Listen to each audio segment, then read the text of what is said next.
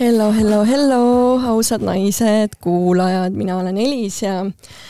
ja teate, nii tore on siin mikri taga olla, mulle nii meeldib. ja olen täheldanud, et mul on see asi päris mugavaks siin äh, saanud, et äh, on üle seitsmekümne saate juba selja taga ja see asi ei rauge. Ma olen täiega nagu energisi täis ja täiega teotahet, et edasi teha, et et ainult panen edasi, vaatame, kui kaua veel. Aga üks asi, üks tore asi on, mis ma tahaks teile öelda, et Ausad naised podcast siis on äh, nii-öelda kahekümne viie parima podcasti seas äh, esile toodud. Ja kui sa tahad hääletada, siis hääleta podcast.ee, sealt leiad nagu edasised äh,, edasised juhised, kuidas seda teha. Ja ja muidugi ma tegin postituse ka sellest äh, Facebooki feed'il, nii et võite siis äh, seda ka minna tšekkima. ja vahepeal on ka talv nagu tagasi tulnud, see, mis on nagu veits imelik, et üldse ei saa sellest ilmast aru, et siin vahepeal nagu on lörtsi lund ja siis on päike väljas ja ja loodame, et see kevad ikka tuleb äh, varsti-varsti ja tulevad soojemad ilmad peale. aga ma olen äh, väga armsas stuudios koos väga armsa külalisega ja me oleme temaga vist neli korda või rohkemgi püüdnud aega saada, kogu aeg on miskit vahele tulnud, küll mina olen haigeks jäänud, küll tema ja mingid ajad ei ole sobinud ja igast asju on tulnud vahele. et äh, tere, Silja Palm! tere, Elis ja kuulajad! Ja, ja Silja kohta mul on siis äh, päris äh, korralik lõik siin pandud äh, juba noh, pikalt on ette valmistatud ka seda saadet, onju et siis ma loen selle ette ja siis sa saad ise muidugi täiendada ka seda, et Silja Palm on astroloogia huviline, mis on, mis sai alguse seitsmeaastaselt, kui ta ema tutvustas talle kaheteistkümne Hiina astroloogia loomamärki. sellest ajast hakkas ta huvi tundma inimeste ja märkide seoste vahel,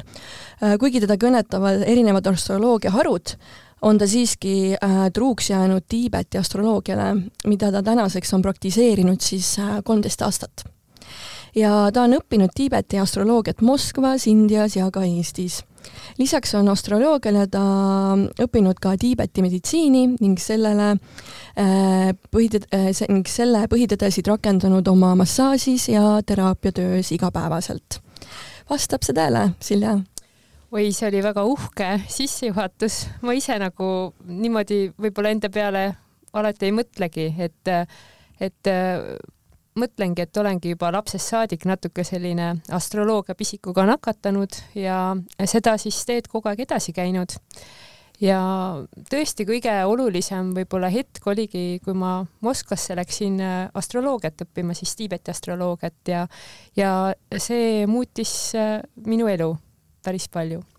jaa, sa oled nii põnevaid äge, ägedaid asju teinud, et äh, meie muidugi teame üldse üksteist äh,, kui me koos kosmeetiku eriala õppisime, et äh, räägi, kas sa sellega ka veel tegeled või äh, mis sa sealt endaga nii-öelda kaasa oled täna võtnud? no see ilumaailm on mulle ka hingelähedane ja ma olen tegelikult väga rõõmus, et ma seda õppisin ja ma siiski arvan, äh, et ma hakkan sellega ka uuesti tegelema, et äh, natuke üle aasta ma olen teinud kosmeetikutööd kuid ma pean tunnistama, et mulle tundub äh, kuidagi inimeste ravimine äh, mingis mõttes kas sügavam või olulisem, aga praegusel hetkel ma tunnen ise, et ma tahaksin kosmeetikutöö, tööd nagu uuesti alustada. et see võiks ka olla selline vahepala mm. -hmm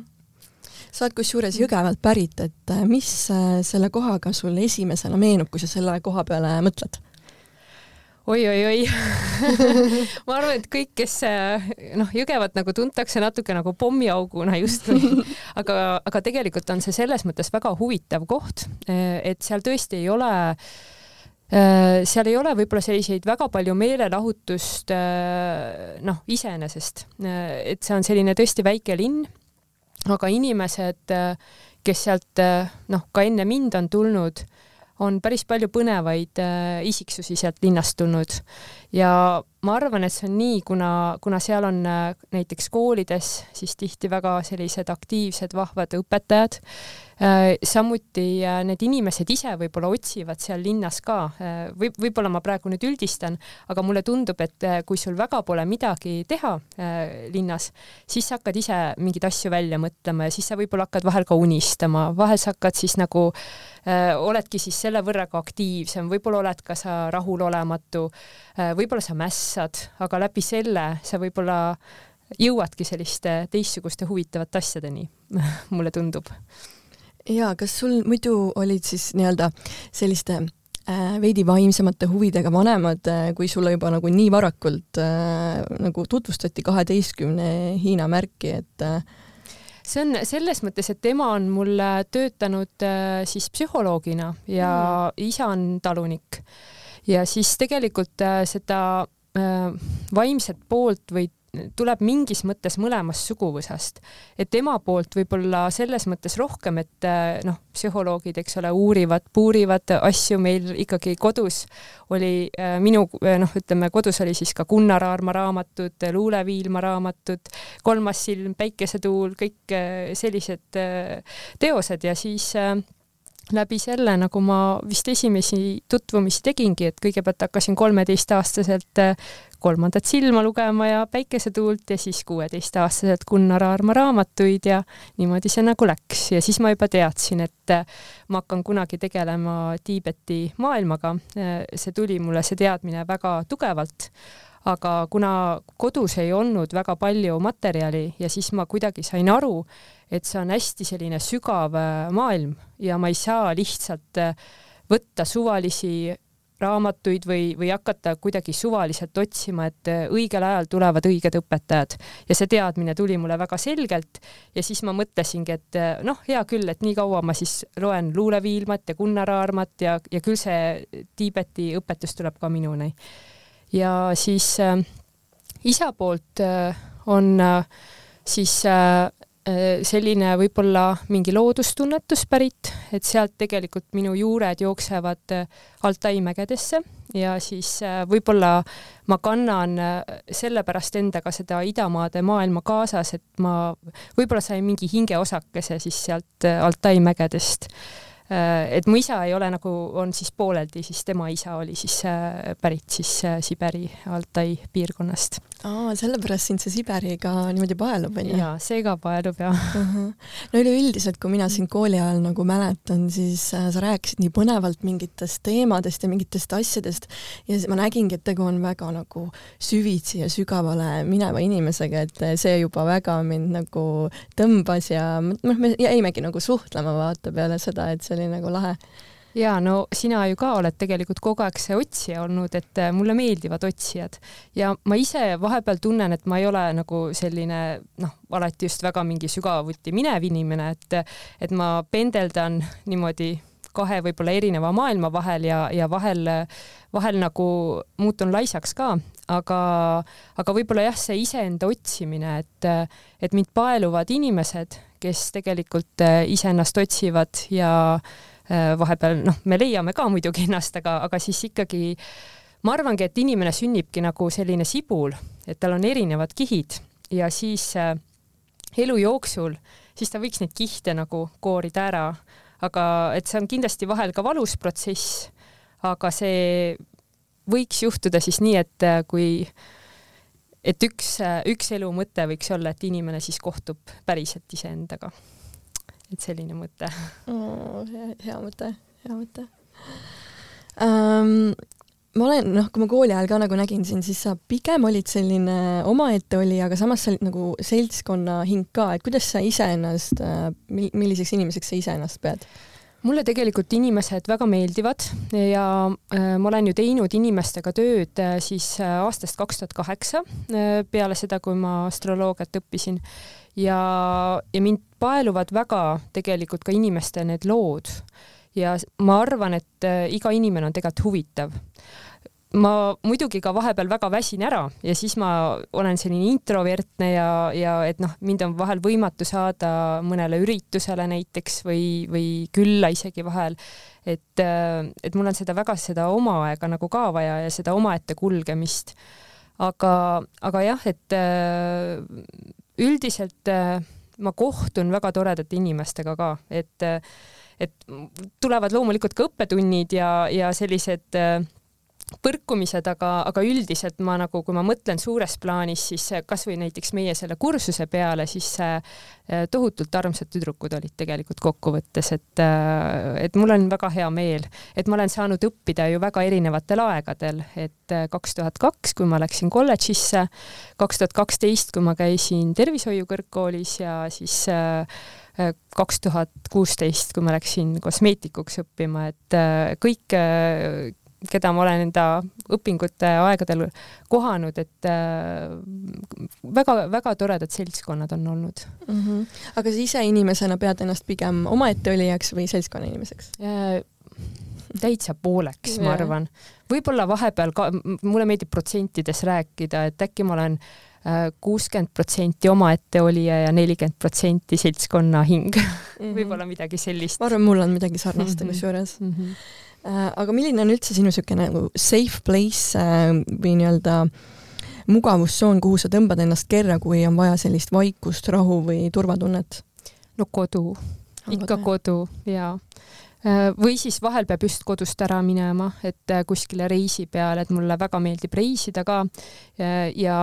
noh, meeldibki, et kaks varianti, et kas on vaja kiirelt aeg maha võtta või siis, et sa tõesti ideaalne äh, Äh, noh, kasvõi kui ma Indias äh, olin ja õppisin, et, äh, et see ei olnud ka pikk aeg, aga näiteks see kolm kuud seal Indias, et see mulle tohutult meeldis, et ma mõtlesin, et noh, tol hetkel oli mul koduga võib-olla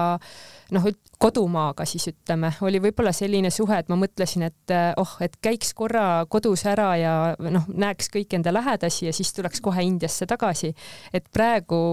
noh, seda, seda teemat enam ei ole, aga, aga, aga muidu jah, kokkuvõttes ma arvan, on, on kodu see koht, kuhu, kus on minu see nii-öelda see sinu sõnade järgi safe place mm. -hmm. jaa mul on mõnikord lihtsalt tahaks kuskile metsamajja võib-olla minna, kus ma olen kõigest eemal, et isegi olla võib-olla kodukeskkonnas, et mõnikord on minu puhul nagu see variant ka, aga kodu ja. on ka selline, kus ma kindlasti saan oma, saan oma vajadused nii-öelda kaetud. mets on ka hästi mm -hmm. kindlasti toetav ja kui me räägime Tiibeti astroloogiast, siis äh, seal on näiteks üks äh, oluline aspekt on eluenergia. ja, ja me võimegi siit nüüd kohe edasi minna, et mul oligi nagu küsimus siin järgmine, et äh, mis asi see Tiibeti astroloogia üldse on, selle teooria, maailmavaade, millel see põhineb? no Tiibeti astroloogia tegelikult sai alguse väga-väga ammu, teine sajand enne meie aega siis. Ja äh, siis äh, on olemas siis nagu kaks äh, peamist suunda, no tegelikult on isegi kolm suunda Tiibeti astroloogias, et esimene suund on siis äh, elementide astroloogia, mida siis öeldakse Naktsi, siis on äh, planeetide astroloogia, mis on Kartsi ja siis on tegelikult veel häälikutel põhinev salajane süsteem, mis on Yangchar. ja mina siis olen peamiselt praktiseerinud seda elementide astroloogiat olen ka nüüd õppinud juurde lääne astroloogiat, et see on ka hästi huvitav ja paeluv, aga ma siiski äh, noh, põhiliselt tegelen ja, ja, ja ikkagi võib-olla kõige kindlamalt äh, tunnen kindlasti ennast Tiibeti astroloogias, selles elementide astroloogias. Ja äh, see ele-, see Tiibeti astroloogia võib tunduda väga Hiina astroloogia sarnane sest seal on ka, ütleme, need viis põhielementi ja loomamärgid, aga noh, see Tiibeti astroloogia kalender äh, tihti ei lähe Hiina kalendriga kokku, algusajad ja lõpuajad ning äh, arvutusmeetodid on väga-väga erinevad ja ütleme, et Tiibeti astroloogias on ka veel selline väga vana osa, mis on äh, meevade süsteem, numer-, teatud numeroloogiline süsteem, mis on siis eelmiste elude mõju sinu praegusele elule, mis on nagu siis karmaastroloogia osa mõnes mõttes, kui nii võib öelda on parkad, on äh, siis äh, tähekombinatsioonid ehk siis tähekonstellatsioonid ning äh, on samuti siis vaadatakse ka nädalapäeva näiteks. vanemad on väga olulised, et vanemate arvutustega tehakse siis ka sinu elukaart, et vanemad pannakse ka sinna, et vanemate märgid loevad ka väga palju. aga, aga noh, kui nüüd natukene ennem tagasi tulla, et siis Tiibetis kirjakeele areng väga ütleme toppas ja usutakse, et seda, et tegelikult noh, ma ei tohi võib-olla seda niimoodi välja öelda, aga, aga on teooriad, et tegelikult äh, ikkagi see elementide astroloogia sai üldse alguse ikkagi Tiibetis ja ta läks äh, Hiina ja Hiinas oli kirjakeele areng hästi äh, kiire. Ja siis nemad nagu äh, võib-olla võtsid üle selle ja hiljem justkui tiibet, tiibetlased nagu justkui uuesti võtsid selle nagu Hiinast mingeid mõjutusi, kui siis Tiibetis oli see kirjakeele areng nagu ka järgi jõudnud. Vot, et selline ajalooline, selline väikene tagasivaade aga jah, no nende süsteem on väga tugevalt seotud ka, usutakse loodusvaime, usutakse e, üldse erinevaid vaimolendeid ja ta on võib-olla, mis mind kõige rohkem, mis mulle meeldib, on see mõte, et kui meie see astroloogiline kaart oleks selline kivisse raiutud tõde ja seda muuta ei saaks et mis mõtet oleks siis üldse teha vaimseid praktikaid, mis mõtet oleks siis tegelikult äh, ennast arendada, mis mõtet äh, oleks siis üldse vaeva näha, et äh, Tiibeti astroloogias on väga tugevalt see mõte, et me saame tegelikult ikkagi enda saatust mingis mõttes muuta et kui suurelt, aga me saame muuta, me saame enda tegudega läbi siis äh,, et Tiibeti budismis on, eks ole, see karma ja põhjus ja tagajärg, et see seadus on hästi äh, nagu oluline. Ja et läbi siis näiteks heade tegude või äh, vooruslike tegude me saame tegelikult muuta ka enda võib-olla mingeid märke, mis ei ole nii head, nagu me tahaks või kust tulevad elus näiteks takerdused või raskused, et äh, siis läbi tegude me muudame enda elu ja rituaalid on seal ja amuletid, aga kõige olulisemad on su teod, et mida sa teed, et iga päev lood endale elu. Ja, ja väga palju räägitakse sellest nii-öelda vabast tahtest ka, et tegelikult meil ja. on see vaba tahe olemas, et meil on valik midagi otsustada, millestki ära öelda, et sellest olenevadki meie nii-öelda karma ka nii-öelda pärast. loomulikult, loomulikult. Äh, aga mis nii-öelda sind tõmbas nagu selle astroloogia juurde nagu selliselt, sa panid nagu kogu oma hinge, aja ja ressursi nagu sinna, et sa nagu sellesse tegelikult nagu väga nagu süvitsi läksid ju? Äh, ma ise tunnen, et tegelikult õppida oleks veel hästi-hästi palju, et lihtsalt mul ei ole olnud nüüd äh, võimalust ja Tiibeti astroloogiat väga vähe õpetatakse edasi, see on mingis mõttes ka väljasuremisohus astroloogia liik, sest seal on omad uskumused selle edasiõpetamisega ja kahjuks ma olen ka näinud, kuidas need uskumused lähevad äh, teinekord täide ja selle tõttu ei taheta seda eriti edasi õpetada, et ega mina ise ei ole ka palju õpetanud, et vahel ma natuke ikkagi õpetan, aga, aga kuna ma peaksid endale siis järelkasvu tekitama või? No selles mõttes jaa, äh, aga, aga noh, ütleme, et, et jah, kuigivõrd ikkagi ma olen natuke õpetanud ka, aga, aga võib-olla võiks tõesti äh, praegu olla see hetk, kus ma võiks natukene äh, võib-olla põhjalikumalt või, või rohkem nagu seda isegi teha, sest tõesti see astroloogia liik võiks püsima jääda, et see huvitab mind ennast ka, et see ei hääbuks aga on ju olemas väga palju erinevaid astroloogia selgitusi, siis mille poolest see Tiibeti astroloogia just erineb, et millel, nagu sa rääkisid küll sellest, millel ta põhineb, on ju, aga millised on siis nii-öelda need teistsugusemad lähenemised või harud, et sa mainisid, vaata, et päris hästi palju harusid tegelikult on. jaa, et äh, noh, ütleme, et see kõige rohkem ma saan ikkagi siis äh, rääkida sellest elementide astroloogiast, et siis seal tegelikult ei võeta neid planeete ja neid arvesse, vaid ikkagi on, ongi sellised viis põhielementi ja, ja kõigest saab neid viit põhielementi nagu, nagu nii-öelda tekitada ja kogu mäng siis käib nagu nende viie põhielemendi peal, aga, aga et millest ta nagu noh, et mis minu jaoks ongi, mis teda võib-olla nagu eristub, et äh, ta on, äh, ta on selline, seda on isegi päris raske võib-olla selles mõttes nagu niimoodi paari sõnaga öelda, et on, ta on natuke maagiline astroloogia mingis mõttes. et äh, tõesti, kui näiteks inimene tuleb minu juurde, et ta saab väga palju sellist infot, et, et mis, mis nagu et mida ta ka ise peaks hakkama nüüd ruttu tegema või, või noh, mitte alati, vahel ei olegi nii väga palju vaja, aga, aga just, et on see eluenergia, siis tervis näiteks, vägi ja mõjuvõim edukus, õnn, kaitseenergia, et kõik hästi palju ka nagu vaadatakse seda kaitseenergiat, et kuidas nagu seda hoida, et mis võib-olla nagu on, et noh, mõni inimene on ju selline väga tugeva kaitseenergiaga ja teine on hästi õrnake, et ta läheb kuskile suurde kaubanduskeskusesse ja tal võib hakata seal näiteks äh, kümne minuti pärast halb. Või et ta käib korra, jalutab kuskil noh, läheb näiteks kasvõi haiglasse, et väga palju on näiteks neid inimesi, kes äh, lähevad haiglasse ja neil tegelikult pärast on kuidagi halb olla või nad ei tunne ennast hästi. et see nagu ka on märk sellest, et võib-olla inimese kaitseenergia vajab toetust. Ja siis on just ka nagu need soovitused ja, ja tõesti on ka noh, ka teinekord mõned kivid või siis need amuletid või värvid näiteks, millega sa saad ennast tasakaalustada. Ja siis just äh, eriti ka need teod, et äh, lääne astroloogias on ka, aga lääne astroloogia Äh, seal on, ta läheb hästi selliseks äh, nagu noh, ütleme, et kuna ma olen seda nii vähe veel õppinud, siis ma ei saa tegelikult sellest väga palju rääkida, aga seal minnakse ikkagi hästi palju, tekib neid nüansse ja, ja teinekord, kui ma seda õpin, siis mul nagu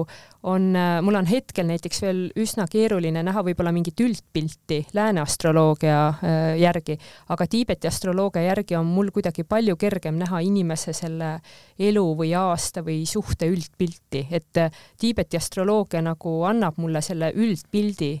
ja olulise nagu info hästi kiiresti kuidagi kätte, et võib-olla muidugi ka see, et ma olen seda nii palju teinud, aga kuidagi see asetus äh, et noh, Tiibeti astroloogia kaart näeb välja nagu trips-traps-trulli kaart, et on äh, ringidest ja ristidest, noh vanasti olid mustad ja valged kivid. et äh, astroloog käiski ringi nii, et tal olid kaks kotikest, ühes olid äh, valged kivid, teises olid mustad, siis äh, oli selline nagu kas äh, maa peale joonistati selline tabel või äh, oligi tal selline riie, mille peal oli juba tabel äh, joonistatud. Ja siis ta pani selle maha ja siis ta hakkas seal koha peal arvutama.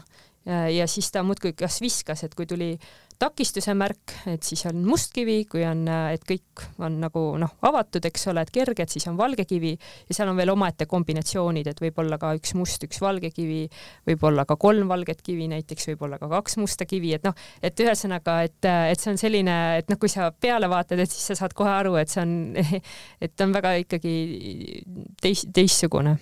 see tundub nii palju nüansse tõesti mm. -hmm. see kaitseteema oli päris põnev, et äh, kuidas me saaksime siis hoida enda seda nii-öelda kaitset toonuses, et Võt et noh, mõnel ongi siis mm -hmm. nagu tugev ja mõnel on nõrgem mm. -hmm. et äh, see kaitseenergia sõltub äh, tegelikult sellest ka, et kuidas tõesti me sünnime, millise kaitseenergiaga, aga vahel on ka mõni aasta näiteks, kus meil on kaitseenergia hästi maas ja teinekord aasta toetab seda. ja, ja teinekord on ka niimoodi, et nüüd siin tulebki ka see Tiibeti äh, Äh, meditsiinisüsteem, et seal on ka mõeldud selle kaitseenergia tugevdamise peale, et on olemas täiesti ka omaette massaaž, mis toetab kaitseenergiat ja tegelikult meie kaitseenergia kehas liigub ka kuu liikumise järgi, et kui on täiskuu, siis meie see laenergia või kaitseenergia asub nagu lagi peas ja valgustab meid nagu läbi ja siis see, kes, kellel mis seal sees on, et siis tuleb, et mõni läheb väga, väga selliseks lõbusaks täiskuu ajal, aga teine läheb võib-olla selliseks natuke hulluks, et, et see, mis su sees on, et see võib tulla täiskuu ajal välja, et see on seotud siis sellega, et kaitseenergia on meil seal lagi peas. aga see kaitseenergia, noh, eriti oluline on ka, et me võime kahjustada seda, kui me teeme operatsiooni äh, valel päeval, et kui näiteks meil on käsi katki ja ja operatsioon tehakse täpselt sellesse kohta, kus on meil ka kaitseenergia, siis äh, võib see kahjustada meie kaitseenergiat. et äh, operatsiooni, noh, vahel alati ei saa, eks ole, valida, aga vahel saab. siis äh, kui me näeme traumat või šokki, sellist hästi suurt, siis võib meie kaitseenergia nagu kahjustuda kui ja, ja jah, et need on sellised võib-olla sellised hästi äh, ja kui me elame näiteks teinekord ka sellistes kohtades, et kui, kui ongi, et näiteks surnuaia peal elame või et noh, kus on mingi vana surnuaed ja kellel on äh, see kaitseenergia nõrgem, et siis see näeb ja tajub seal võib-olla mingeid asju, mida ta ei tahaks. Ja, ja ta ja kaitseenergiat siis tugevdada, et saabki läbi näiteks selle massaaži on rituaalid, äh, siis Tiibeti äh, budismi kloostrid näiteks oskavad teha neid. Ja siis on olemas ka sa ise ei tee? mina ise ei tee. Kuigi ma tean Eestis ühte inimest, kes oskab ka Tiibeti rituaale okay. teha. Äh, et äh, aga mida saab veel teha, et äh, on ka näiteks teatud teguviisid, ausalt ja väärikalt käitumine on üks asi, mis tugevdab meie kaitseenergiat, siis kui me tahame näiteks mingis asjas või soovime mingis asjas väga edu saavutada ja me saavutame selle, siis me ka toidame enda kaitseenergiat ja vooruslikult käitumine, kui me an-, lubame, et me lubame midagi ja teeme seda, et see toetab ka meie kaitseenergiat ja kõik vastupidised asjad siis ka nagu just nõrgendavad. jah, et need on sellised põhilised asjad ja türkiis, türkiisvärv ja türkiiskivi on inimeste kaitseenergia kivi, siis Tiibeti järgi. et tiibetlastel ei ole nagu seda, et nad ajavad selle kristallide ja kivide teema väga keeruliseks, neil on kolm, ütleme, et võib-olla noh, ma ütleks, et suures laias laastus kolm põhikivi, ma võin nüüd äkki midagi ära unustada, aga türkiis on kindlasti hästi oluline ja seda peetakse siis kaitseenergia kiviks mm, no väga põnev igatahes, väga põnev. Äh, aga kui tihti sa ise jälgid võib-olla astroloogiat, et kas sa valid endale inimesi selle järgi, et kellega sa rohkem nagu lävid või koostööpartnerid, kellega sa rohkem nagu sobid või? tegelikult on niimoodi, et äh, ma jälgin küll Äh, astroloogiat, ma ikkagi teen iga aasta endale arvutused ja lääne astroloogias ka ma uurin ja puurin ja nii huvitav on. aga paraku ma ei ole nüüd selline inimene ka, mm, kes iga hommik nagu ärkab ja vaatab, et mis nüüd tulemus on, et ma tean, et kui teinekord seda, sellega tehakse igasugu põnevaid asju ja saadakse väga häid tulemusi enda elus, aga ma vist olen natukene selle koha pealt, kas kas äh, laisk või, või, või ma lihtsalt ei taha siis nagu iga päev niimoodi teha äh, kui päev hästi imelikult läheb või vastupidi, väga hästi, siis ma kindlasti vaatan nagu ka äh, erinevaid päevamärke nii Tiibeti astroloogias kui ka lääne astroloogias. ja kui, kui sa küsisid, et kas ma valin inimesi, siis võib-olla võib-olla see, ma alateadlikult näiteks noh, võib-olla tean mingeid märke kellega ma tean, et see koostöö hakkab mul väga hea olema, äh, et alateadlikult, aga ma proovin sellest äh, niimoodi hoiduda, et ja ma proovin nagu enda töös ka, ka loengutes, mida ma teen või, või kui ma õpetan, et ma tegelikult sooviks, et inimesed et inimestel ei oleks eelarvamusi nagu, sest et, sest et see, et kui keegi ütleb, et ta on, ma ei tea, kaksik või et ta on kaalud ja siis selle kohta näiteks teha eelarvamuse, vaesed skorpionid näiteks saavad pidevalt äh, hagu alla, et tegelikult äh, te, mul on nii kahju nendest, et äh, tegelikult on äh, kõik märgid väga-väga ägedad ja küsimus on lihtsalt, et mida me endas arendame ja me ei saa üldistusi teha, et ainult selle ühe tähtkuju järgi või ühe aasta märgi järgi. ja ma olen siin varem ka saadetes rääkinud, et tegelikult äh, me oleme kõik nagu unikaalsed ja meil ja. on nagu nii suur oma nagu äh, kombo, millega me siia nii-öelda sisse sünnime, vaata. et nii palju erinevaid kihte, et ongi need suguvõsa kihid ja, ja mm, ongi nagu kõik kõik, kõik noh, et äh, seal on nii palju kihte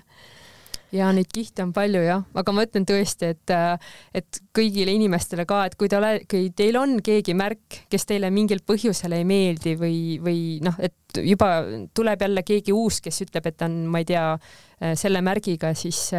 siis proovige elada ikkagi niimoodi, et teil ei ole seda mingisugust sellist eelarvamust, et see on tihti teil endal ka, et see võib olla selline isetäituv ennustus. ja see võib minna selle... uskumuseks üle, onju Mm -hmm. ja siis, kui sa mõtled, et siis võib-olla sellel inimesel ei olnudki ka kavas sulle teha äh, selliselt nagu mina näiteks. enda peas mõtlesin. ja, ja aga, aga kuna sina juba mõtled, siis ta noh, võibki niimoodi minna see, sest et me ju mhm. loome ise, eks ole, ka enda reaalsust väga palju mm. -hmm. et see on see mõte. ja väga lahe.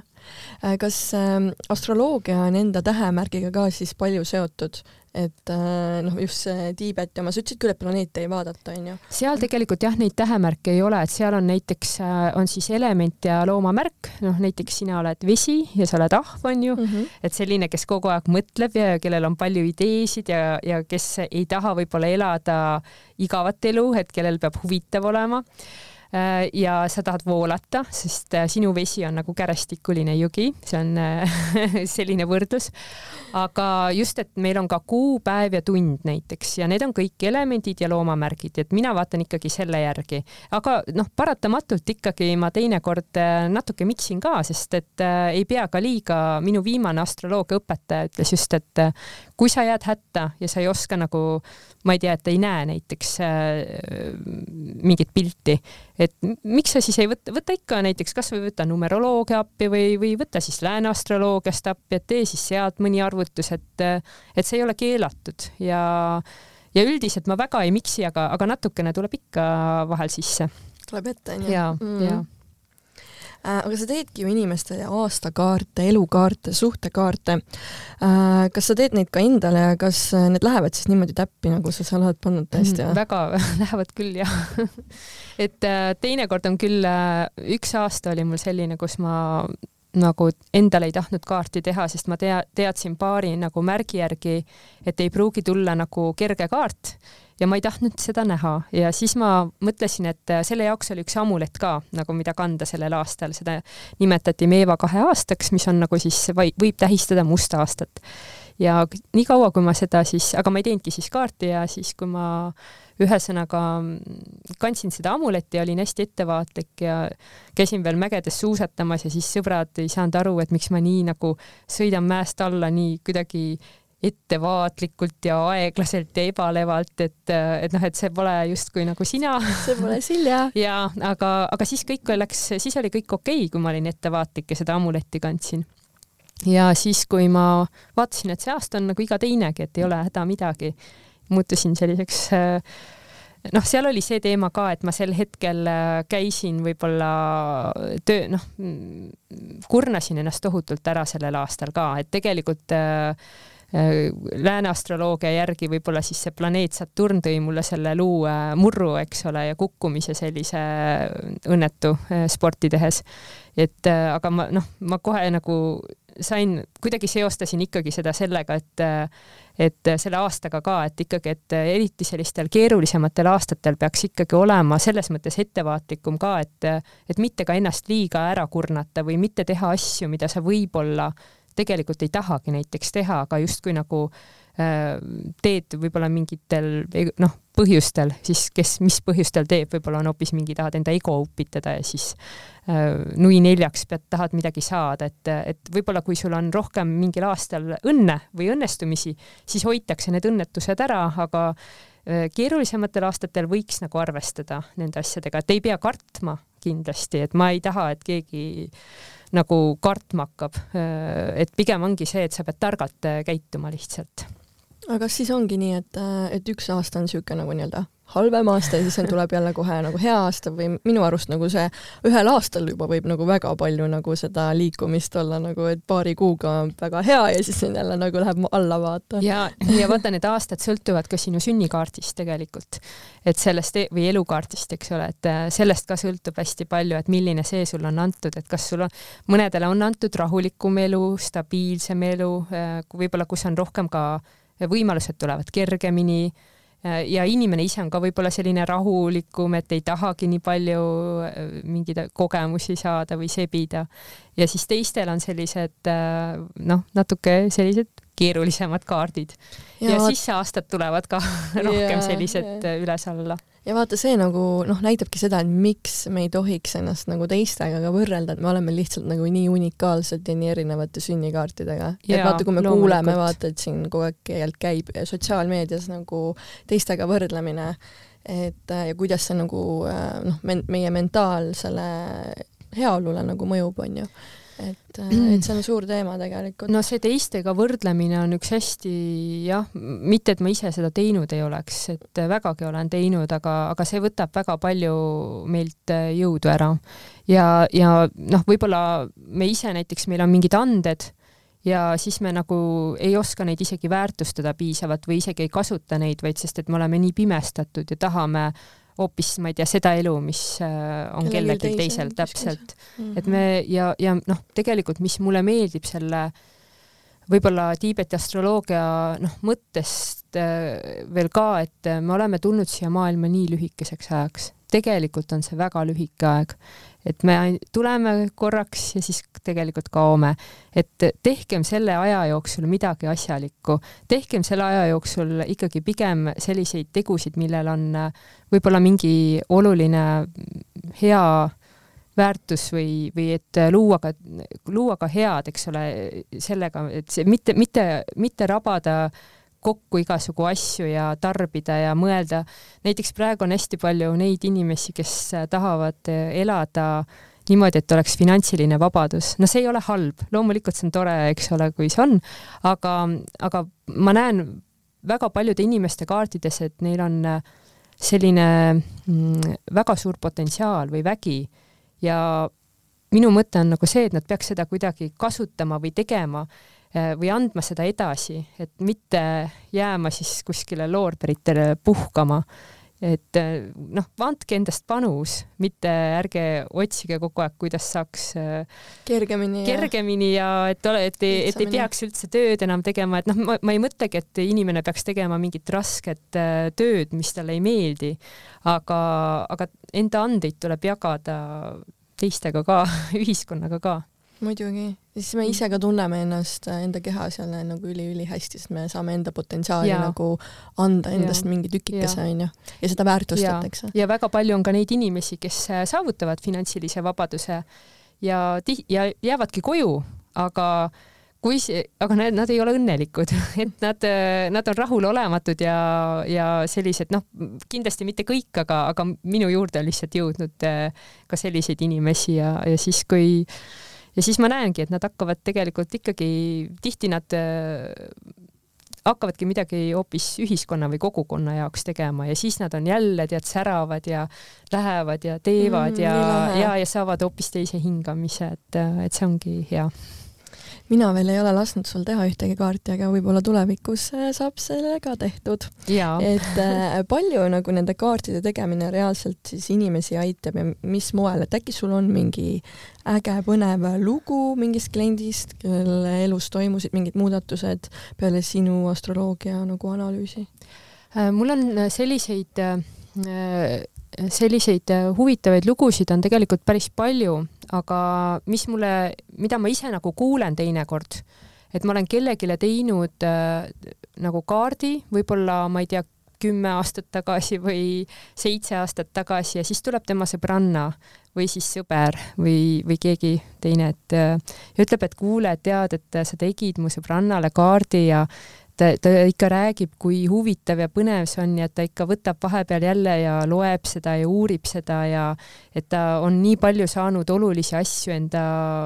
elu jaoks ja enda mõtestamiseks ja, ja et see on teda nagu aidanud, et, et tee nüüd mulle ka. et siis äh, ma ise mõtlen, et küll on tore, et need kaardid nagu edasi elavad, et ei ole nii, et noh, kindlasti paljud, paljudel nad jäävad kuskile unarusse ka, aga, aga siis on, mulle väga meeldib kuulda, kui, kui inimesed seda võib-olla veel ka vaatavad üle. Ja, ja noh, neid lugusid, kus või tagasisidet, kus inimesed on öelnud, et nad on hakanud enda elu ja iseenda, iseennast teisiti nägema ja võib-olla palju laiemalt ja võib-olla ka palju noh, keegi on võib-olla tulnud või saanud näiteks mingisuguse olulise suuna endale või, ja tihti tullakse selle jaoks ka, et saada kinnitust ja noh, vahel ka hakatakse näiteks enda suguvõsa või pere äh, teemasid lahendama äh, läbi selle, et, et astroloogiast tuleb välja see olulisus, kui palju see suguvõsa tegelikult ka mõjutab ja need suguvõsa lahendamata asjad. et siis äh, sealt ka minnakse teinekord veel edasi ja on olnud inimesi, kes teevad väga suuri muutusi ka enda elus, et äh, inimene, kes näiteks äh,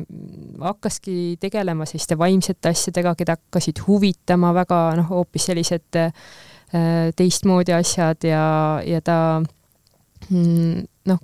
ka käis seal Tiibeti kloostrites ja ja siis äh, tegeles selliste, noh, et see mõju oli talle päris tugev ja on muidugi ka ära lahendatud asju, päris selliseid raskeid asju läbi Tiibeti ka rituaalide. ja kus ma ise ka täpselt ei teadnud, et kas see noh, kus ma noh, olen ise, ma olen ka nagu, nagu saanud tunda neid rituaale, et ma tean, et nad äh, toimivad, aga seal olid väga noh, sellised head lahendused tulid lõpuks mis seal Tiibeti rituaalis siis täpsemalt toimub või mis seal aset leiab? ega täpselt mina ka ei tea, sest et mungad teevad seda või nunnad ja nad teevad vahel siis kas mitmekesi või kas vähem või rohkem neid on ja vahel mõni rituaal võtab ka terve päeva või, või, või tehakse ka mitu päeva, et äh, aga noh, mõningaid rituaale ma arvan, need on praegu liiga spetsiifilised, kui ma hakkan nagu mm -hmm. siin mõningaid asju rääkima, aga, aga, aga noh, täp-, täpselt jah, seda ma ei tea, aga, aga seal, see on selline süsteem tõesti, et vanasti lihtsalt oligi äh, nagu tiibetlastel see noh, see astroloogia mõte on neil ka see, et nagu ma ennem ütlesin, siis elu on lühike ja võimalikult palju tuleks teha tegelikult siis luua head väärtust ja, ja teha ikkagi siis vooruslikke tegusid noh, nüüd mul tekib tunne, nagu ma oleks mingi moraalilugeja.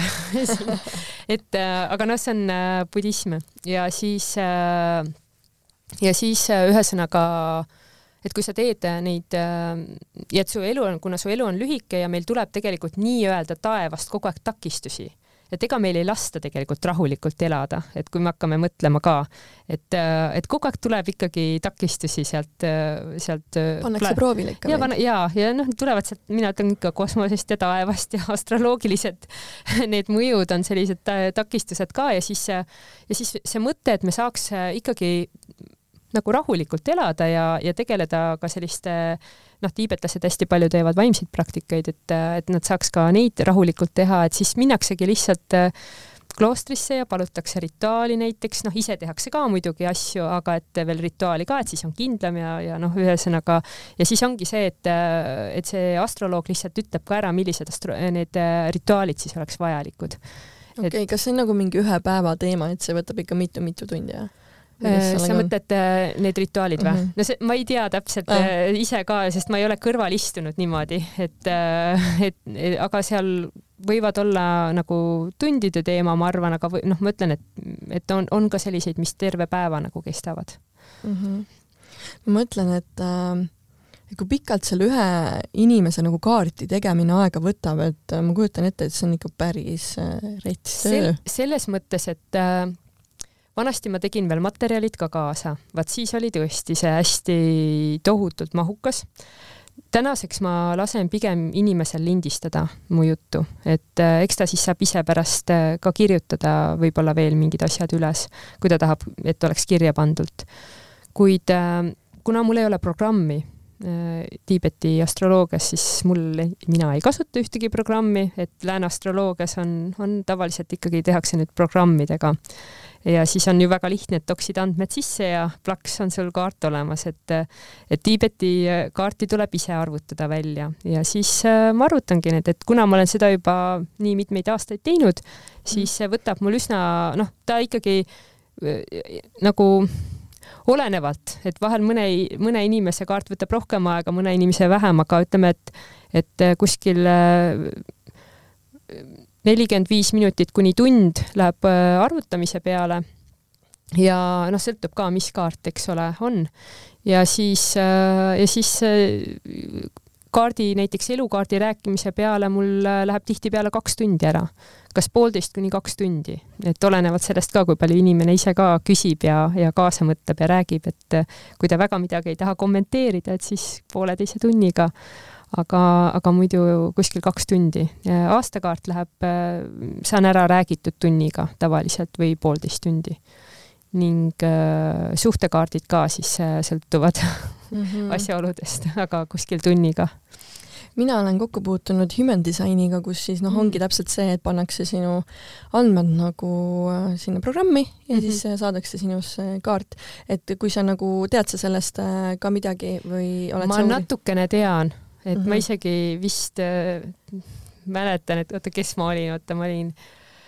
äh, mingi ma, no, ma arvan, et seal ei ole isegi vahet, ma lihtsalt mõtlen, et, et kas nendel on ka mingisuguseid sarnasusi, sarnasusi kohti, et kas sa nagu näed seal midagi? tead, ma peaksin selle, laskma selle human design'i teha, et siis ma saaksin võib-olla täpsemalt sulle Aru. öelda mm, -hmm. sest praegu ma olen seda ainult lihtsalt natukene niimoodi kübe, kübemekki, et ma tean mingisuguseid aspekte aga, ja mult on enne ka seda küsitud, aga mm -hmm. noh, et selles suhtes. Äh, märk sulle. jah, märk mulle äh, aga kas ongi siis nii, et igas inimeses nii-öelda on mitu tähtkuju, me rääkisime küll siin, et oo, et igasugused eelarvamused igasugustest mm, -hmm. aga et kui nad sünnivad, siis neil on a la, et kuu on kaaludes, Jupiter lõvis, Veenus veevalajas, et mis, mis need täpselt no see on see lääne astroloogia, eks ole, ja see on mhm. tõesti mm -hmm. niimoodi, et et kui sul, et on kolm väga võib-olla kõige olulisemat sind kirjeldavat märki on tegelikult äh, sinu jah, päike, kus su päike on, päikesemärk, kuumärk, kus sul kuu on ja siis sinu tõusumärk. et need on selline kolm sellist kõige, kõige rohkem võib-olla sind kirjeldavat. et äh, võib-olla jah, et äh, oled, eks ole, seal skorpion, aga võib-olla sul on näiteks tõusumärk kaalud ja, ja kuu on sul Äh, võib-olla hoopis näiteks äh, sõnn, et siis, äh, siis noh, see pilt on ju palju kirjum juba, eks ole. ja, ja mõni märk ehk ikka sobib nendest, aga noh, muidugi ka isiklikud planeedid on olulised, et Merkuur, Marss, Veenus et need on ka väga olulised siis, kui me vaatame seda, ütleme neid mm -hmm. märke. Kui minna nendel nii-öelda loomamärkide juurde, et äh, et meil on ka neid erinevaid, et äh, mida need siis täpselt iseloomustavad, sa mainisid ennem, et ma olen nagu ahv, onju. Mhm. no et ma räägin võib-olla iga siis loomamärgi kohta või, või see võib muidugi päris pikaks minna äh, teeme siis nii, et äh, kui sa tahad rääkida, siis paar sõna nagu igaühe kohta. no Tiibeti nagu selles looma, loomade ringis siis nii-öelda on ka kaksteist looma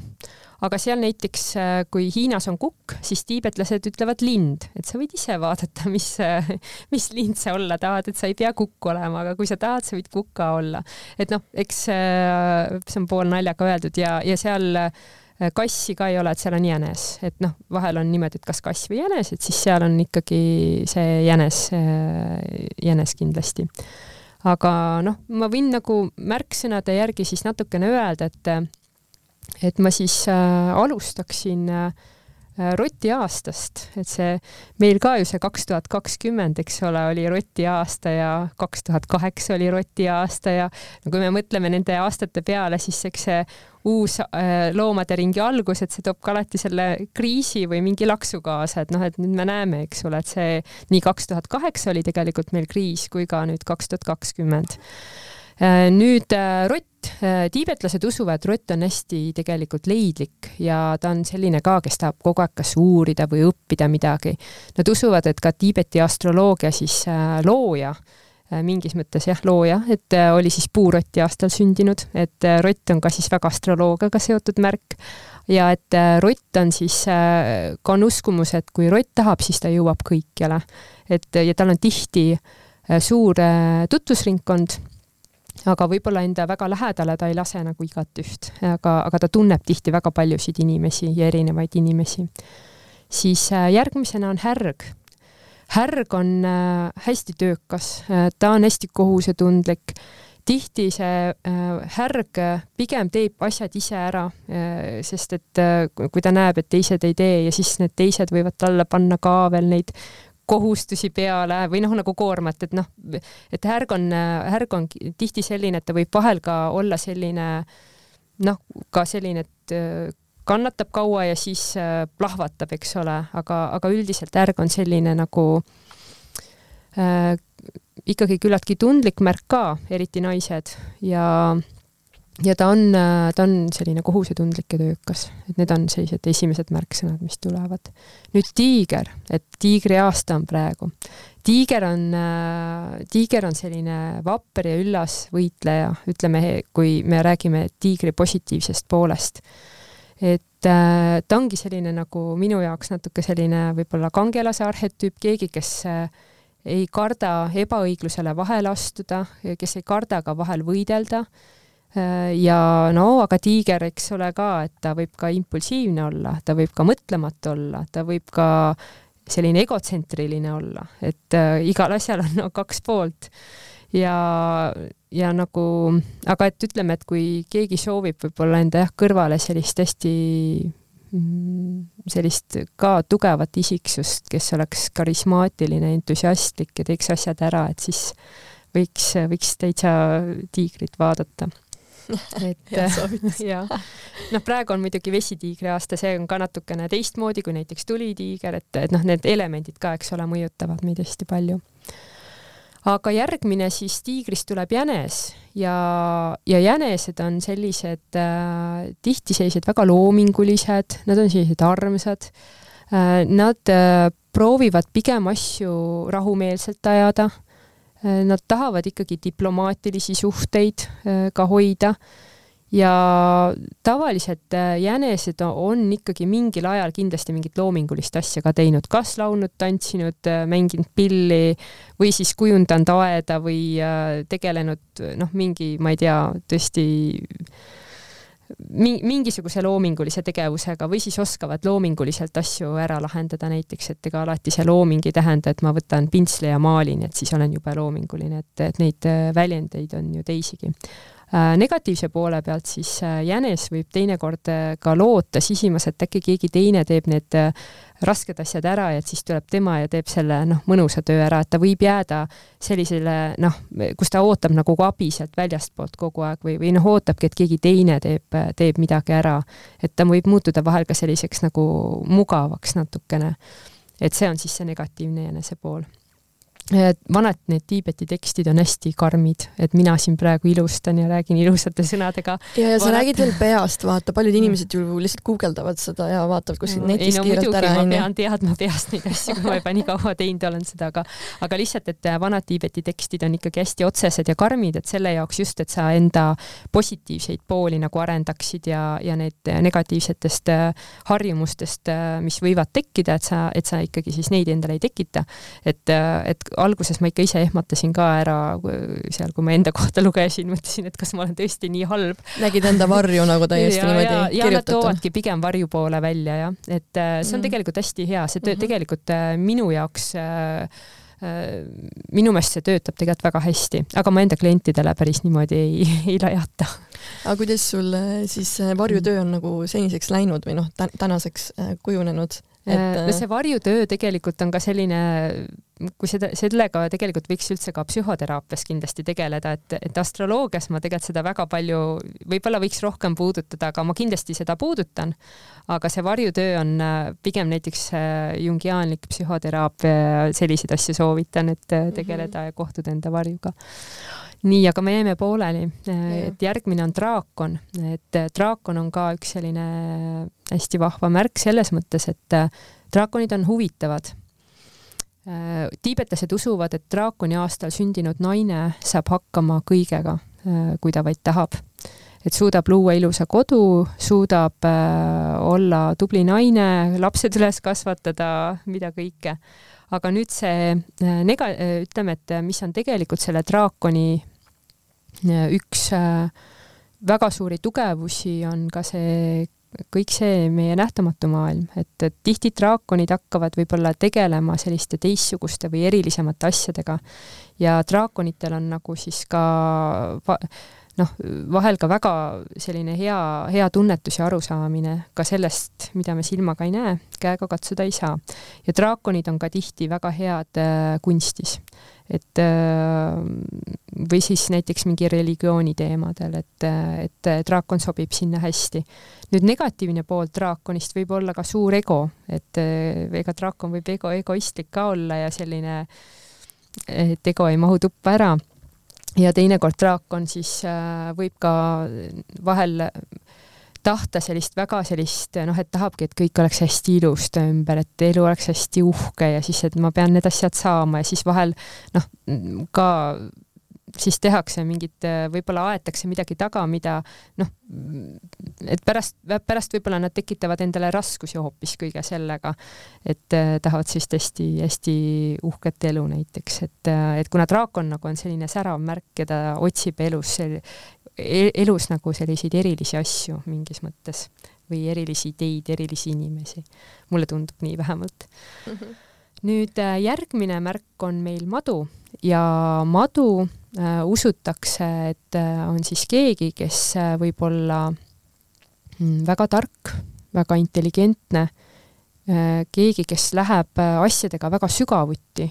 kellel on võime inimhinge mõista et ka psühholoogid, psühhiaatrid, et ma-, madu on ka meditsiini siis äh,, meditsiiniga siis seotud märk, on see siis alternatiivmeditsiin või, või siis äh, tavaline meditsiin, kui nii võib öelda. Ja, ja vahel usutakse seda, et madudest tulevad kõige paremad ennustajad. Et see on ka siis välja toodud. nüüd hobune, hobuse kohta tiibetlased ütlevad, et inimene nagu ime. Et äh, noh, ütleme, et selles mõttes, et ta on tihti, on hobune selline väga üllaste ja heade ideedega, natuke sarnane tiigrile, et läheb, aga hobune on ka uhke märk, et ega ta tahab ikkagi, et teda tähele pandaks ja ja et ta on selline, ta peab vabadust saama, et kui te mõtlete nagu üldse ka hobuse peale, siis äh, see loomhobune on ka sarnane, et ta peab saama kapata, et äh, ei ole mõtet hobust panna kuskile pisikesse talli kinni, et ta peab ikkagi saama ennast näidata ja, ja, ja selline uhkeldada. Aga hobuse siis negatiivne pool on vahel ka see, et ta teeb ka nagu selliseid teinekord kappab niimoodi, et kõik, kõik noh, tuleb üks segapudru sealt ja, ja, ja tolm on üleval ja mingid asjad on ära lõhutud, et, et vahel ta ka nagu ei mõtle. ja ta vajab võib-olla sellist head ratsanikku mingis mõttes või head juhti ka, et olla, sest teinekord ta võib teha nagu mõtlematult enda elus siis äh, mingisuguseid asju, mis ei too ka nagu talle head tulemust, aga, aga jah, hea ratsanik võiks olla hobusel selline, keda ta usaldada saab ja kes teda ka toetab. Siis äh, järgmiseks on äh, kitseaasta, et ma ütlen kits, mitte lammas, et, et võib äh, tekstides olla nagu nii kits kui lammas, aga mina ütlen kits. et kits on siis natuke sarnane jänesele, et ta, ta on ka selline loominguline märk ja tihti kitsed oskavad väga ilusti riides käia, väga ilusti ehteid valida äh,. kitse märgiga on see huvitav, et äh, ta on tegelikult hästi jonnakas et kui tal on vaja midagi saavutada enda elus, et ta läheb väikeste sammude kaupa, nii nagu kui olete näinud, kuidas kits äh, ronib üles mäest, et siis see kits ka niimoodi sammu, hästi leidlik, et teinekord sa mõtled, et kuidas see kits sellisesse kohta sai või kuidas ta suudab seal käia, kus ta käib kui reisite, et, et siis see kits on inimesena ka ja kits on elukunstnik ka natukene, et talle meeldivad ja et talle meeldivad sellised, äh, hea toit peab olema ja sellised, äh, et kui joon veini, siis ilusast pokaalist ja noh, kõik see et ei ole, et noh, töö kõrval on ikkagi seda, seda lõbu, lõbu ka nüüd äh, järg... mitmenda juurde me oleme nüüd jõudnud? nüüd me oleme jõudnud ahvi juurde, ega varsti saab läbi ka aga, aga, aga noh, natuke on veel mm. -hmm. aga ahv on siis, sind ma natuke kirjeldasin, et mm -hmm. ahvid on minu jaoks sellised hästi, ma tean, et kui ahv on seltskonnas, siis pole kunagi igav, et äh, et ahvidega on alati hästi huvitav, nad on äh, sellised hästi uudishimulikud ja nad tihti võivad neil ei ole nagu seda, et ah kuule, see on mingi jama asi, mis sa räägid, et et võib-olla isegi kui nad ei usu seda, siis nad ikkagi nagu kuulavad äh, ära või, või noh, kuidagi nagu äh, teevad mingi enda, enda siis nagu kuidagi noh, panevad selle endale kuskile ja siis kus kunagi kasutavad seda teadmist, et et ahvid teavad tihti hästi palju ja neil on teistsugused nagu ideed ja nad tahavad nagu äh, teha asju nii, et nad kogu aeg ei kordaks ennast, et nad tahavad kogu aeg midagi nagu nagu uut võib-olla või olla ise ka uudsed ja, ja selline igav rutiinne töö nüüd kindlasti ahvile ei sobi, et ahv ei suuda seda üldse teha. Ja see oleks ahvi tapmine. ja negatiivse poole pealt siis ahv võib ka manipulaator olla ja võib vahel hakata inimesi ära kasutama, sest ta mõtleb tihti hästi kiiresti ja ta mõtleb mitu sammu ette ja siis vahel võib juhtuda, et ta kasutab siis inimesi ära ja vahel pillub enda energiat liiga laiali, et see on siis ka negatiivne pool. et noh, et ta ongi pärast hästi väsinud, sest ta on siin ja seal ja teeb mitut asja korraga. nüüd äh, järgmine on lind. Mm, linnud on äh, linnud on ka säravad isiksused, tihti ambitsioonikad, ka tihti väga töökad, äh, tihti ärkavad vara. Nad äh, tahavad tulemust saada, neil on hästi oluline, et nende tööl ja tegemistel oleks mingi tulemus. lind peab saama ennast väljendada, et see on natuke, tõesti, ma toon siin nüüd jälle selle kuke näite küll, et kuke kuulutab siis äh, valgust, eks ole, hommikut äh, nagu, et äh, valguse võit teemonite üle, kui sümboolselt rääkida, et siis äh, lind peab ka ta lihtsalt, kui, kui noh äh,, ta peab saama välja öelda, mis ta mõtleb. Ja vahel see võib ka karm olla, et äh, et siis äh, kõik ei suuda seda kindlasti ka nagu vastu võtta, aga ta on selline nagu äh, ja ta vahel linnud, äh, linnumärgiga inimesed tahavad teistmoodi riides käia ka, et, äh, et noh, ütleme üks, ma mäletan, klient küsis, et kuule, kas äh, äkki ma olen papagoi, et mulle meeldivad nii väga kõik need värvilised rõivad, et kas, kas, kas ma võiks papagoi olla, et ma ütlesin, et jah, sa võid olla papagoi. Äh, negatiivse poole pealt ongi siis, et teinekord see lind võib siis hästi äh, karmilt või otseselt öelda, et vahel noh, ta ei vali nagu, et kuidas ta, kuidas ta midagi teeb ja, ja, ja vahel võib ta ka selline töönarkomaan olla, et ennast äh, hästi noh, üle kurnata äh,. nüüd äh, mm, koer, et koer on siis tegelikult äh, koeraga mul seostub ikkagi selline heatahtlikkus ja sõbralikkus üldiselt. Ja koer peaks tegema mingit tööd, kus ta saab inimesi aidata, et, et see on nagu, see on nagu võib-olla koerale kõige, kõige parem, parem variant, kui ta, kui ta tunneb reaalselt, et tema tegevustes, tegevusest on inimestele kasu. ja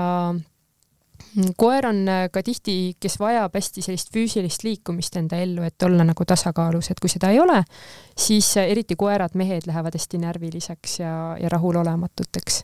et nad vajavad sellist liikumist, nad on tihti väga hea huumorisoonega äh, ja oskavad siis ka nagu alati püsti tõusta, vaatamata raskustele. negatiivse poole pealt nad võivad olla sellised ülemuretsevad, ülekriitilis-, noh, hästi ülikriitilised näevad rohkem halba, äh, langevad depressiooni või noh, mitte depressiooni päris, aga on sellised hästi stressis ja, ja kuidagi pinges.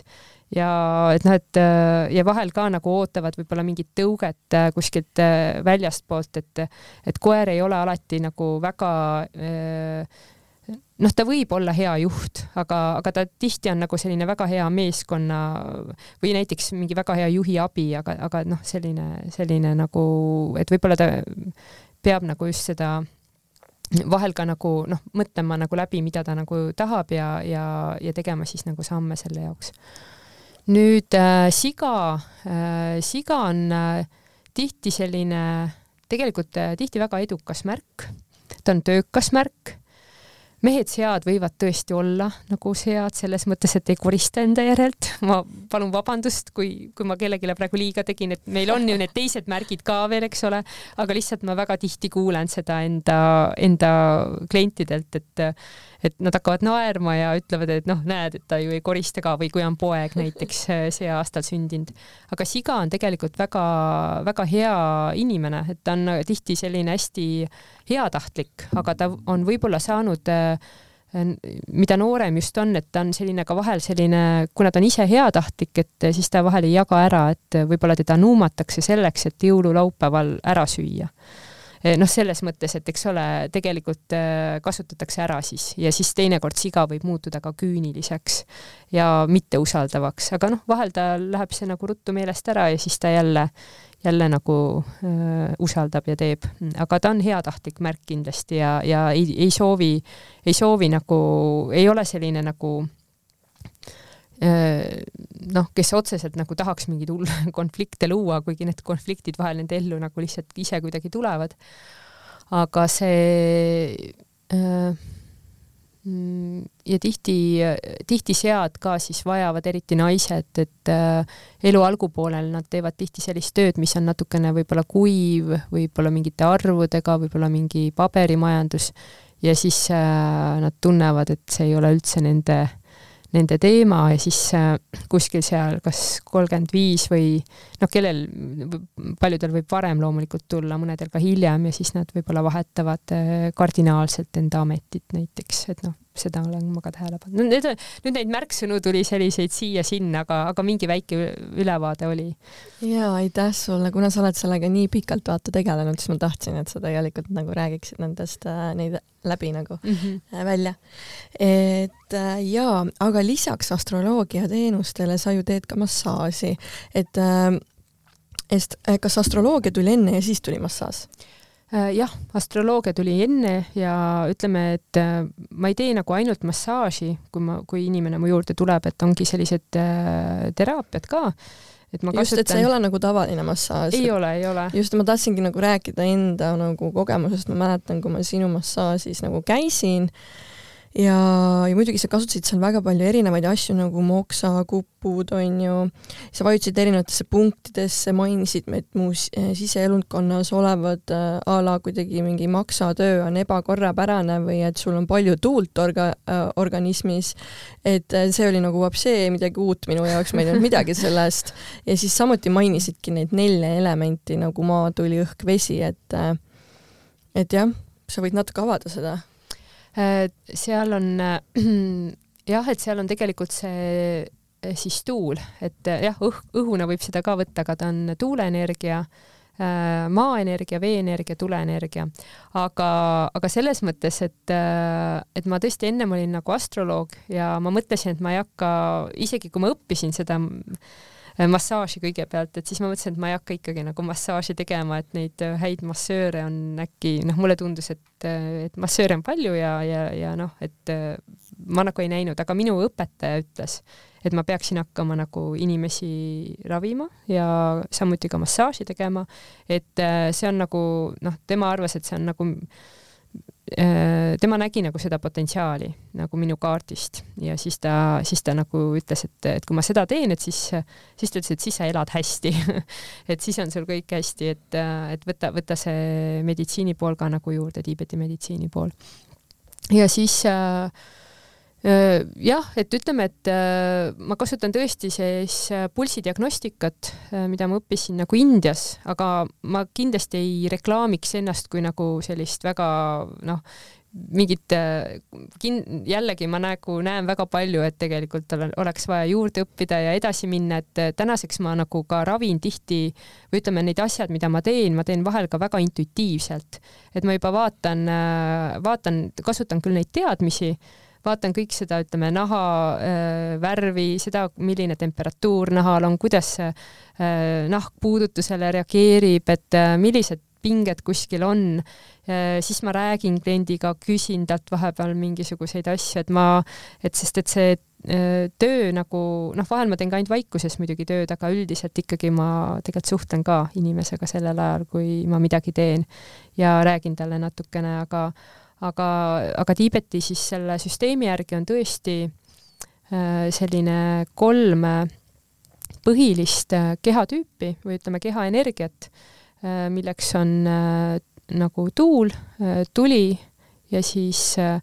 kole nimetus küll, aga lima, aga noh, see on tegelikult see mm., seda ei tohi võtta nagu sellise, et nagu, et oledki mingi lima, et, et seda äh, seda, see on lihtsalt meie keeles kõlab see niimoodi, et aga seda ei oska kuidagi teisiti nagu paremini tõlkida ka. ja, ja siis äh, inimese kehast tulevad nagu, me sünnime kõik nagu äh, kas me oleme näiteks äh, puhtad tüübid, et olemegi täitsa puhas tuuletüüp, oleme täitsa puhas tuletüüp või täiesti puhas siis limatüüp, neid puhtaid tüüpe ikkagi on äh, vähe, et üldiselt tuleb kombinatsioon ja, ja siis see on, seda nimetatakse siis nii-öelda see, see sünniga kaasa saadud keha konstitutsioon. Ja tihti me elame siis niimoodi, et me äh, lööme midagi tasakaalust välja. Et kui me oleme hästi palju näiteks arvutis või äh, sõidame ringi, äh, suhtleme tohutult palju, mõtleme tohutult palju, käime võib-olla ka tuulistes kohtades või, või tegeleme spordialaga, kus me oleme kogu aeg tuule sees, siis me suurendamegi tuuleenergiat ja noh, ma toon praegu hästi lihtsaid näiteid, et võibki olla näiteks, et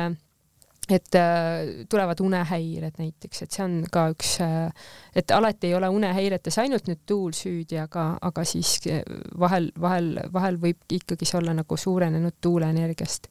või siis, kui tuli on, eks ole, et kes on äh, Äh, kes töötab hästi kuumas äh, ja kui ta nüüd tõesti on sündinud hästi nagu sellise limakehaga või kui on nagu võib-olla hästi külm kogu aeg, et võib-olla talle sobibki nagu palavas, eks ole, siis töötada, aga kui me oleme veel sündinud ka tule, tuletüübina ja siis me veel läheme kuskile pliidi ette näiteks äh, tööle ja siis on veel mingid asjad, mis meid väga ärritavad kogu aeg ja värsket õhku ka ei saa eriti päeva jooksul et siis meil tekib äh, tuleenergia tasakaalutus ja, ja siis läheb veri, võib minna nagu halvaks ja, ja tekkida peavalud ja, ja mingid põletikud kehasse näiteks. ja limaenergia on siis, kui me näiteks või kuidagi oleme hästi palju külma käes, et noh, meie kliima näiteks Eestis on selline, mis soodustab äh, ka mingis mõttes lima, limatüübi haigusi, eriti kui äh, see, ja see võib siis, kõik need võivad ka olla nii, et need mingid, äh, on erinevates sul näiteks kehakohtades, et sul on näiteks kuskil on sul tule üleküllus, aga sul on näiteks ka seed, seedekuumus on sul hästi maas, et seal on limaenergia, et oled söönud hästi palju jäätist muudkui sööd või külmi asju, et siis äh, võid tekitada endale sellise väga-väga tugeva sellise seedekuumuse tasakaalutuse ja siis sul jääb seedimine väga nõrgaks ja su keha ei suuda omastada toidust äh, siis selliseid häid aineid ja vitamiine ja mineraale ja, ja, ja jäädki selliseks loiuks ja väsinuks ja ja noh, neid sümptomeid on palju, mis siis tulevad või juhtuvad ja kas sa nagu iseendal ka siis jälgid seda, kui on, hakkab tasakaalust välja minema, et siis sa tervendad kuidagi? Äh, ma arvan, et äh, kindlasti ikkagi ka jah, äh, kuigi ma tean näiteks noh, seal on ka toidud, eks ole, et on ravimid, on toidud ongi siis need teraapiad, mis tasakaalustavad, et endale ma väga nagu teraapiaid ei tee, kuigi võiks. Äh, nii palju kui saab, et näiteks, et tõesti ka võib-olla kuumutad midagi, aga, aga ma olen jah, natuke selle koha pealt laisk, aga mida ma jälgin, on see, et äh, väga palju ma äh, tasakaalustan ennast siis võib-olla toiduvalikuga või et ma teangi näiteks, et nii see asi hakkas mul nüüd sellest pihta, et nüüd mul on vaja näiteks selle tasakaalustamiseks, ma ei tea, minna näiteks aurusauna. Või et ma pean nüüd olema vaikuses äh, ja sellises äh, mitte väga ereda valguse käes ja, ja ma peangi noh, et ma, ma tean nagu neid ka tegevusi ja ma ikkagi kasutan küll neid, aga võiks kindlasti palju parem olla et.... aa, vaata kui äge, nagu nii eneseteadlikuks tegelikult muudab see ju, et, äh, et sa nagu tead, et ahah, mul tekkis see ja ma saan seda nagu tehes sellega mm -hmm. leevendada mm, -hmm. et juba iseendale nagu anda nagu seda nii-öelda ressurssi. et äh, seda ma enda klientidele ka räägin ikkagi ka, et ka annan siis erinevaid toidusoovitusi ja, ja ka just tegevusi ja mida nad peaks siis nagu noh, arvestama et.... ma isegi mäletan, sa midagi ütlesid mulle siis, kui ma käisin sul seal massaažis ikka mitmeid mm -hmm. kordi, mulle väga meeldis su massaaž igatahes. nii tore. meelde on jäänud siiamaani, et järelikult mu kehale ikka väga meeldis väga tore, rõõm kuulda aga seda massaaži siis, mis sa teed, seda võibki nagu nimetada siis tiib, Tiibeti manuaalteraapia alla ta on tegelikult äh,, ametlik nimetus on kunje, aga ma ei tee tegelikult sellist traditsioonilist kunjeed igapäevaselt, et äh, jah, ta on, ta on ikkagi noh, selles mõttes ta on ikkagi massaaž, ikkagi palju on seda massaaži osa ikkagi ka, et, et sa ise mäletad ka, eks ole, et ikkagi äh, massaaž oli ka, aga lihtsalt teraapiatena äh, mul ei ole vaata võib-olla nii selgelt seda klassi, et kui, mis see manuaalteraapia täpselt, et mis noh, et kas kupud mm -hmm. näiteks lähevad sinna alla või ei lähe, et mulle tundub, et, et, et vist ei lähe, onju, aga, aga igatahes äh, jah, ma kasutan siis erinevaid selliseid asju nagu juurde, aga ikkagi põhiosa moodustab massaaž. ma isegi vaatasin kunagi mingeid asju, uurisin, siis ongi, et massaaž kivide ja karpidega on tooni mm -hmm. ja siis kuumutusteraapia moksa ja teiste vahenditega mm -hmm. mecha mingid siuksed. ja need on tiibetikeelsed nimetused ja. ja, ja kuputeraapia bemum no mina ei ütle niimoodi, et nüüd ma teen teile bemummi, et ma seda ei ütle. aga seda võib siis võtta nagu Tiibeti meditsi-, meditsiini nagu üks võtta, üks võte nagu. ja, ja et kupud on üldse väga vana asi, et hästi-hästi vana, et ikkagi selline aegade algusest juba pandi mm. -hmm. et mingi aeg olid kupud tipud olid hästi populaarsed ka, kui äh, olid, ma ei mäleta, mis aasta see oli, kui olid need äh, olümpiamängud ja äh, Jaapani ujujatel ja Hiina ujujatel olid äh, tugevad need kupujäljed olid seljal ja ma mäletan, et siis äh, veel räägiti või arutati, et kas see on siis doping või ei ole, et siis vist, vist lõpuks öeldi ikkagi, et ei ole. aga, aga selline et need olid siis, noh, kupud on üldse läinud kogu aeg rohkem populaarsemaks, mulle tundub. et nüüd tänasel päeval ei ole enam nii palju neid inimesi, kes ei, kes, kes ei, kes neid ja, või kes plekke. ei tea, mis asi see on, et mis plekid sul selja peal on, et kes tegi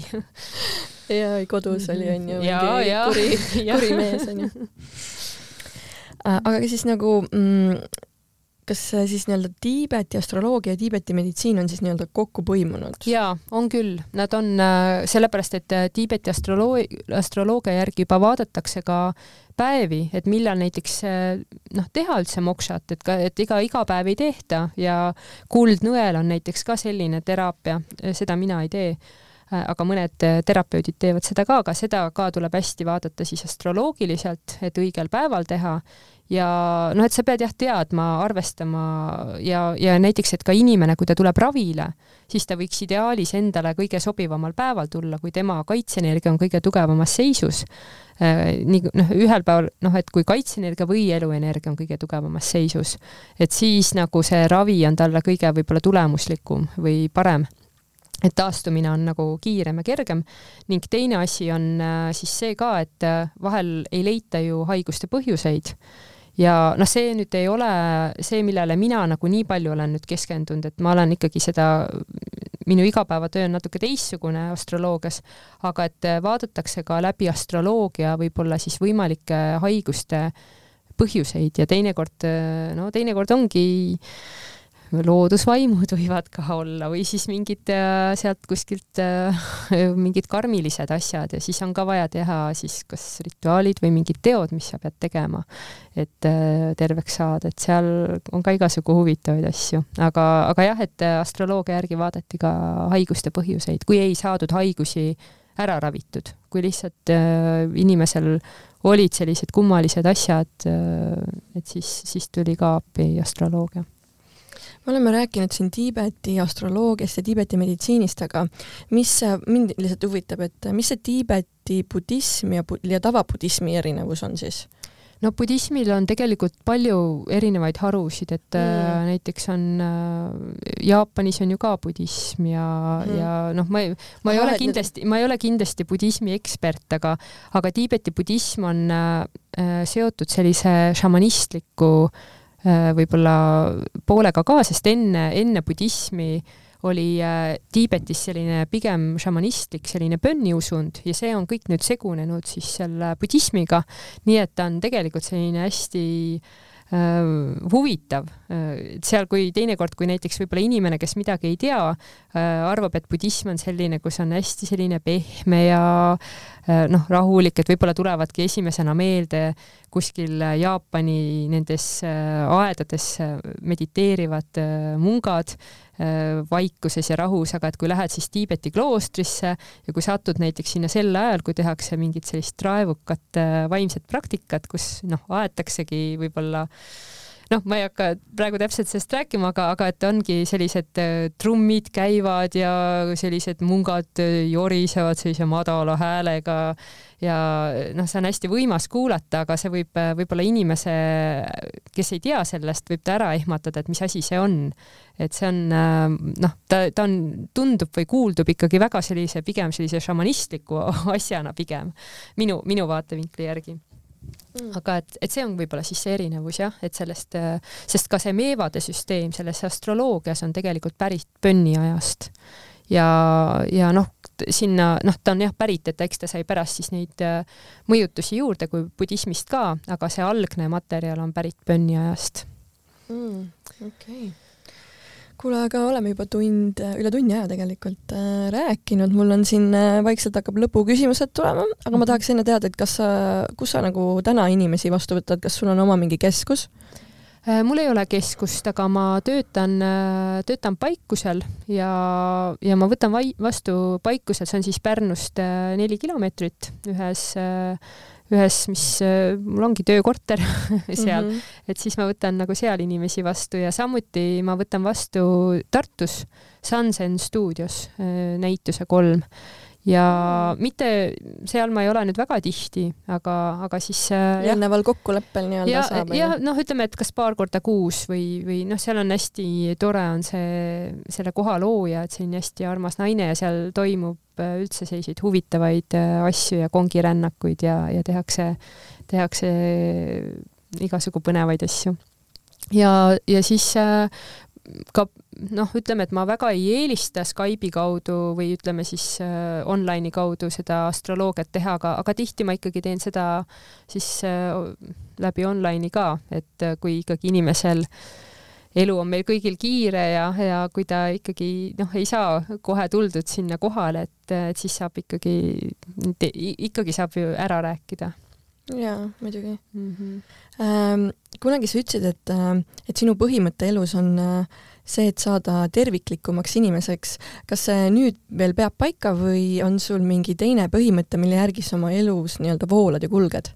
no ma arvan, et see terviklikumaks inimeseks oli ka see, millest ma algusest juttu tegin, et inimene tahab saada rohkem iseendaks ja jõuda yeah. iseendani tegelikult, et see on seesama läbiv mõte mm. -hmm. et, selles mõttes on, on, on endiselt on ikka see, jah ja. Äh, kuna ma tean, et sa õpid mitut asja korraga, siis äh, lisaks sellele, mida sa teed praegu, õpid sa ka ravimtaimede olemust ja ja seda maailma, et millised on su plaanid tulevikus üldse, millega sa tahad tegeleda äh,? oh jumal Neid on palju vist onju ja sa ju tead ju, ma olen ka ju kaalud, eks ole, et kui nüüd hakkame stereotüüpe looma, et ei suuda ju alati valida ja valikuid teha, need kaalud mm. -hmm. et äh, neid asju, minu, minu, mulle meeldiks nagu kõik asjad nagu tervikuks äh, siduda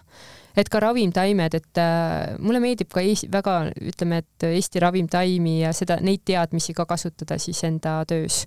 ja vahel äh, ma siis ka nagu, ma olen väga palju abi saanud äh, sellest, et ma olen äh, noh, vaadanud ka selliseid teisi süsteeme, mitte ainult äh, Tiibeti süsteemi, et äh, mulle meeldib äh,, mulle meeldib väga see Herbaatikumi kool, kus ma käin ja see annab siis äh, mitte ainult ravimtaimedest, et see annab midagi palju rohkemat ja, ja et see tegeleb ikkagi väga palju inimeste ja perede näiteks, noh, täna oligi pereteraapiad ja, ja kõik uurisime peredünaamikaid, et, et, et, et seal ei ole ainult ravimtaimed, aga, aga ravimtaimed on mulle väga hingelähedased et selles mõttes ma tahan kindlasti neid kasutada ja ma olen, eks ma olen siin katsetanud igasuguste mingite tinktuuride ja teesegude ja asjadega juba ka, aga et äh, tai-, taimed, taimed kindlasti jäävad mu ellu ja toetavad seda, mida ma teen, et ma arvan, et ma teen seda kõike edasi, mida ma teen, aga lihtsalt ma võib-olla seon neid asju äh, veel niimoodi, et mul oleks võimalik, äh, võimalik võib-olla mängida siis ka veel erinevate asjadega ja võimalustega ja, ja kuidas lõppkokkuvõttes ikkagi ju ma tahan ikkagi ka inimesi, inimestele pakkuda, pakkuda sellist ka rohkem terviklikuks saamist, et, et, et kõik need asjad võiks seda, seda siis tuua väga vinge. Äh, paar küsimust on veel, et äh, lisaks sellele, mis sa kõik nüüd äh, igapäevaelu, elus teed, mis sind nagu veel inspireerib? Äh, mis mind veel inspireerib? ja et mis sa nagu väljaspool äh, veel nagu seda töö, tööalast äh, teed ja, ja mis sind nagu inspireerib? no mulle meeldib ka tegelikult tegeleda selliste loominguliste tegevusaladega. maalida on kindlasti üks asi, aga ma ei ole seda ammu nagu jõudnud teha, aga aga, aga ega mulle, mulle väga meeldib ka lihtsalt äh, teinekord tajuda selliseid igavikulisi hetki äh, ja kogeda neid igavikulisi hetki, et äh, vahel ma võin minna väga pikale jalutuskäigule, äh, vahel jääda ka peaaegu et öö peale metsas näiteks ja, ja, ja siis see mind inspireeribki mingis mõttes elu ise, et elu ongi nagu ime, aga me vahel unustame selle ära. ja me peame võtma endale aega, et aru saada, et, et elu ongi ise ime ja, ja et näha seda elu ime et noh, selline natuke ümmargune ja klišeelik vastus tuli, aga, aga, aga ma arvan, et, et, et jah, mind inspireeribki ja mind inspireerivad ka teised inimesed. et ma kuulan äh, ka podcast'e ja loenguid äh, teinekord ja ma olen vahel nii inspireeritud, et äh, teised astroloogid inspireerivad mind, nad äh, nii palju põnevaid inimesi on tegelikult ja on, on., no muidu ja. ma ei teeks ka seda mm -hmm. siin onju, et äh, ainult inimesed ongi need, mis äh, panevad mm -hmm. tegutsema, et äh, see on minge. kas see töö, see astroloogia töö sind ära ei väsita? Vahel ikka et äh, vahel, vahel ikka muidugi, et äh, vahel üldse töö väsitab ära ja, ja vahel tahaks, äh, vajad ikkagi noh, nagu ma ennem rääkisin, et seda väga oma aega, et taastuda. et see on selge, et ikka, aga, aga üldiselt mul läheb see ruttu üle mm. -hmm ja ma ei teagi, kust sinu kohta infot võib leida, et äkki mõned inimesed on huvitatud sinuga kontakti võtmast? Äh, nüüd äh, on olemas siis äh, veebilehekülg www.tiibetiravi.ee, aga mulle võib ka Facebooki kirjutada, et mm -hmm. ei, et mind on tegelikult väga kerge Facebookist üles leida, et Jaa. olen enda nime all ja, ja kes tahab, see kirjutab ja ma usun, et ja siis veebilehekülje peal on ka telefoninumber ka olemas ja meiliaadress, et saab kirjutada ja igal juhul panen selle kõik äh, nii-öelda saate description'isse siis äh, kirja ja mina väga tänan, et sa tulid, jagasid äh, ja valgustasid Tiibeti astroloogiast äh, meid natukene, mina ei teadnud sellest väga midagi. Aitäh sulle, Elis, et sa kutsusid, et äh, mul on ka tore jagada. Ja et sa oled ise ka, et sa teed seda, mida sa teed ja see on tegelikult väga oluline, et et ma olen ka päris palju ikkagi ausad naised podcast'e ka kuulanud ja, ja, ja sul on ka siin väga-väga huvitavaid inimesi käinud, nii et ma olen ka saanud inspireeritud sinu, sinu podcast'ist. juhhei, siis on juba korda läinud, noh. mina igatahes tänan kuulajad, et te kuulasite ja kui see saade meeldis, siis kindlasti jagage seda oma sõpradega. aga praeguseks soovingi teile tšauki-plauki ja järgmiste kuulamisteni. Number one desirable. I do